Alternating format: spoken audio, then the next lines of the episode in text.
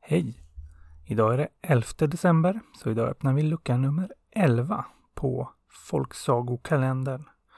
Som ju bjuder på en folksaga om dagen hela vägen fram till jul. Och eh, nu så här vid 11 december kanske man har börjat med julstöket om man gör sånt. Och idag får vi höra om en som inte vill göra något julstök. Han kallas nämligen för Lat-Lasse. Men som tur var får han lite hjälp av en magisk gädda. Lyssna själva. Det var en gång en gumma som hade en son som hette Lasse. Och Lasse, han var förfärligt lat. Han var latast i hela byn. Han var så lat så alla kallade honom för Lat-Lasse. Och en dag så behövde Lat-Lasses mamma en hink med vatten. Så hon tog fram deras vattenså och satte den vid Lasse och sa Hörde du Lasse, nu är du så god och gå och hämta vatten åt mig. Men Lasse, han lyssnade inte ens. Han bara fortsatte ligga där på soffan och lata sig.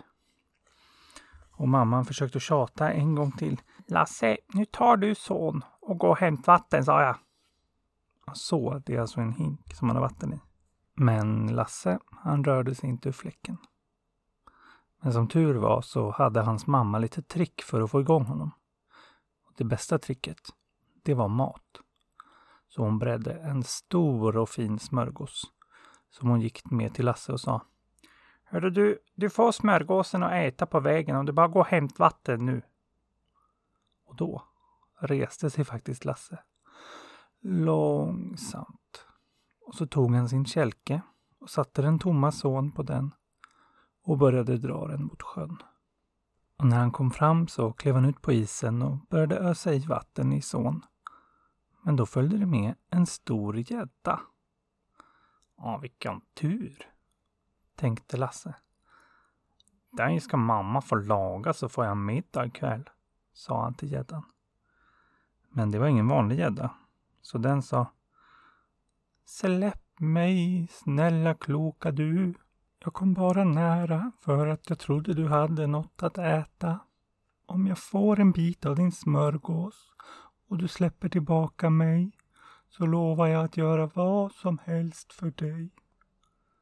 Det tyckte Latlasse lät riktigt bra. Så han frågade. Menar du vad som helst? Och det sa gäddan att hon menade. Och då fick hon hela den stora smörgåsen. Så sa gäddan att om du behöver hjälp så säger du bara du gädda grå som i vassen gå och sen vad jag ska göra så gör jag vad som helst. Sen åt hon upp smörgåsen och simmade iväg. Och Lat-Lasse, han bestämde sig för att genast pröva det. Så han sa Du jädra grå som i vassen gå. Låt kälken gå hem med min vatten så. Och genast så flög kälken iväg med vattensån på. Så Lat-Lasse slapp dra den själv. Vilken lycka för den som är lat och ha någon som gör vad som helst åt den. Efter den dagen så gjorde Lat-Lasse nästan ingenting.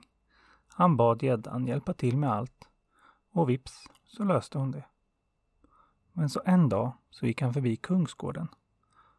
Och då stod prinsessan där utanför. Och Lat-Lasse han vinkade glatt till prinsessan.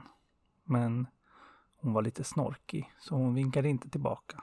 Istället skrattade hon och viskade något till en av sina hovdamer som skrattade hon också. Men då sa Lat-Lasse till sig själv. Jag ska lära prinsessan en läxa. Och så sa han. Du jädra grå som i vassen går.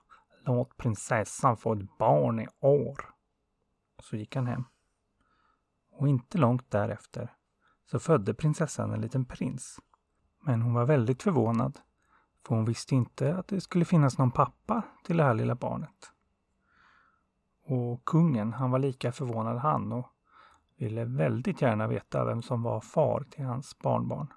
Så han gick till en trollkvinna som sa att om barnet, när det blev lite större, kastade upp ett äpple i luften och pappan fanns i närheten så skulle äpplet automatiskt rulla till den som var pappan.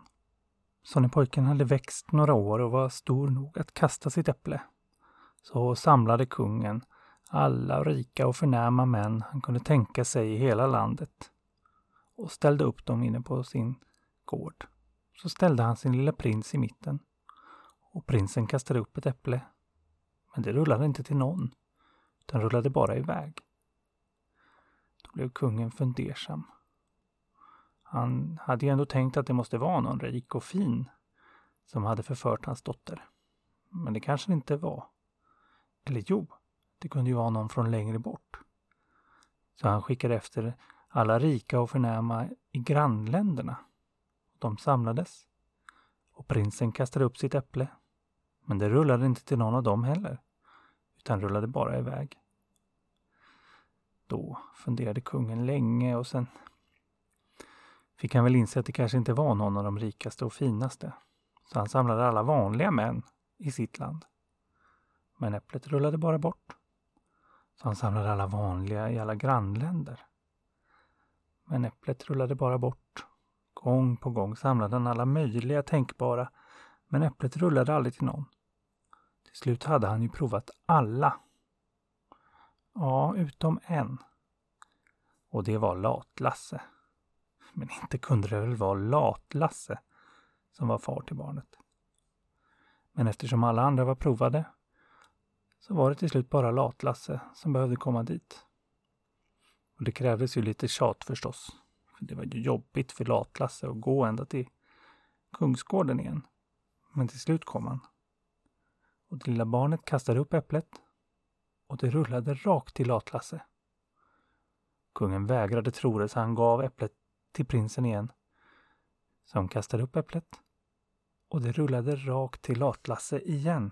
Och nu när kungen förstod hur det låg till så blev han rasande och bestämde genast att Latlasse och prinsessan skulle sättas i ett stort träkar och skjutsas ut i havet.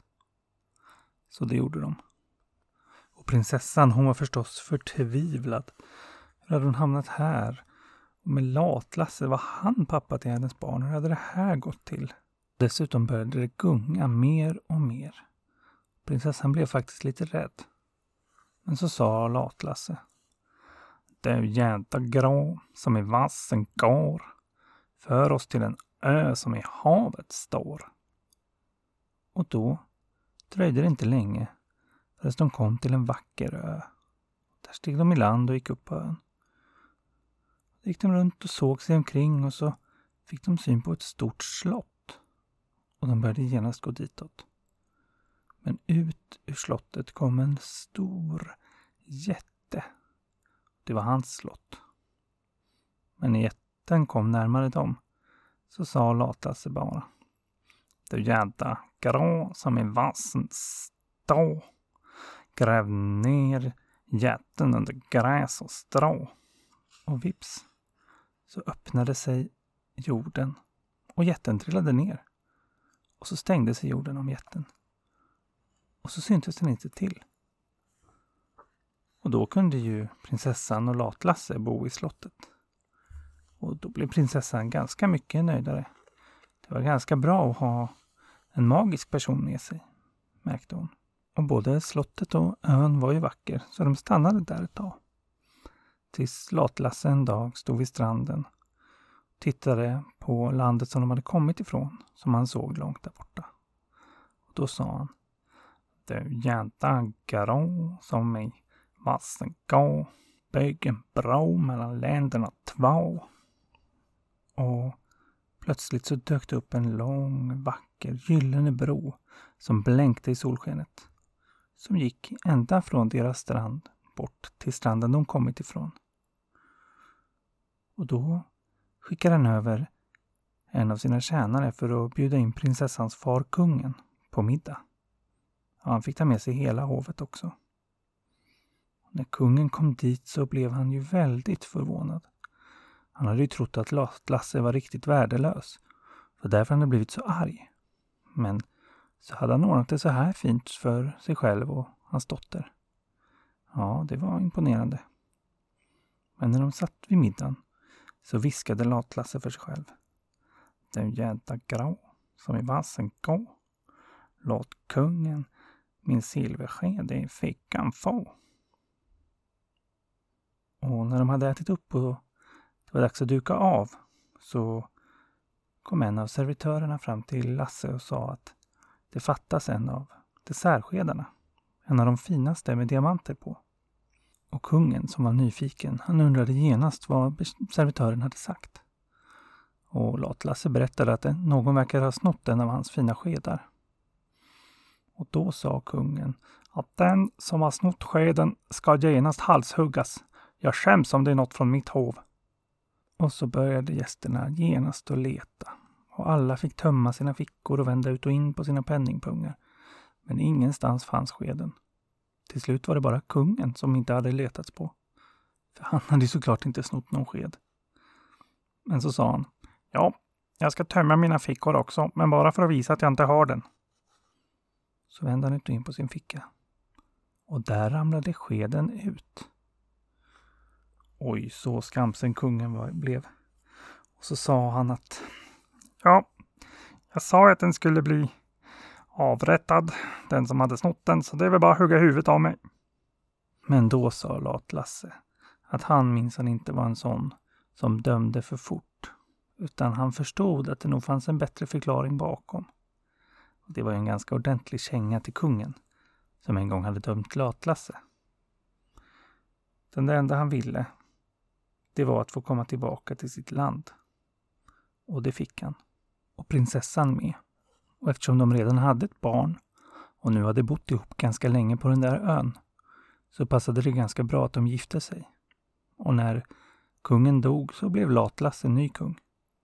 Och det bästa med det, det är att kungar, de behöver inte jobba ett endaste dugg.